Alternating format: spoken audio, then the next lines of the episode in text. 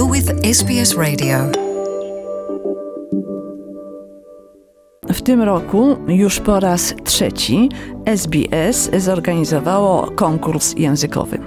W pytaniu konkursowym chodziło o przesłanie tekstu i zdjęcia, które ilustrowałyby, co daje nauka języka obcego, jakie wynikają z niej korzyści.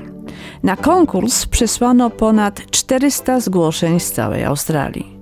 Konkurs w pięciu kategoriach wiekowych wygrało pięciu młodych Australijczyków. Najmłodszy laureat, sześcioletni Ian Khan, uczy się angielskiego od 12 miesięcy. To jego trzeci język po urdu i paszto.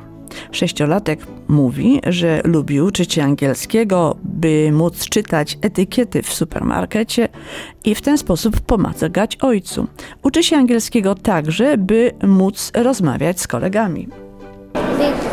Because I can speak English in my school. Dyrektora radia SBS pani Mandy Weeks powiedziała, że na konkurs napłynęło ponad 4000 zgłoszeń z całej Australii, reprezentujących 80 języków. We had lots of entries. We had entries from every state and territory. We had individual entries and then we had whole classes. Mieliśmy bardzo dużo zgłoszeń z każdego stanu i terytorium Australii. Zgłoszenia indywidualne, ale i całe klasy. Co z tego konkursu wynika? Wynika to, jak wielu ludzi w Australii uczy się języków powiedziała dyrektor radia SBS pani Mandy Wick. Uroczystość wręczenia nagród odbyła się w ostatnią środę w siedzibie SBS w Sydney. Uczestniczący w uroczystości minister edukacji Dan Tien po podzielił się z zebranymi swoim doświadczeniem nauki języka hiszpańskiego. Znajomość hiszpańskiego okazała się dla niego niezwykle przydatna, kiedy rozpoczął pracę jako australijski dyplomata w krajach Ameryki Środkowej. Mówił o tym, e, o ogromnych możliwościach, jakie otwiera dobra znajomość obcego języka. Podkreślił, że znajomość języków obcych jest niezbędna w relacjach dyplomatycznych i handlowych pomiędzy państwami. The Asian region is where we reside. We have to understand the cultures of the countries. Australia znajduje się w regionie azjatyckim. Musimy zrozumieć kultury krajów, które są naszymi bliskimi sąsiadami. Musimy rozumieć, ponieważ z ekonomicznego punktu widzenia są one dla nas kluczowe, powiedział minister edukacji Dan Tien.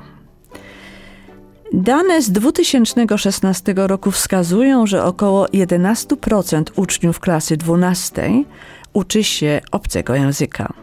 Australijski Uniwersytet Narodowy ANU ogłosił właśnie, właśnie w środę, że w ciągu najbliższych pięciu lat przeznaczy ponad 11,5 milionów na rozszerzenie oferty nauczania języków azjatyckich i regionu Pacyfiku. Dziennik, e, dziekan Wydziału Azji Narodowego Instytutu w Canberrze, dr Nicholas Farley, powiedział w czasie uroczystości, że fundusze te będą przeznaczone na mniej popularne języki azjatyckie, takie jak tajski czy mongolski. This is an investment being made at a time when other Australian universities have struggled to sustain their language portfolios, but we're seeking to ensure that our university, with its national mandate, uh, can not only uh, continue to teach the languages that we've been teaching for many decades, but get into new areas. Na razie dla 11-letniej Harlin Kaur, laureatki konkursu SBS, perspektywy przyszłej kariery wynikające z mówienia innym językiem są dość odległe.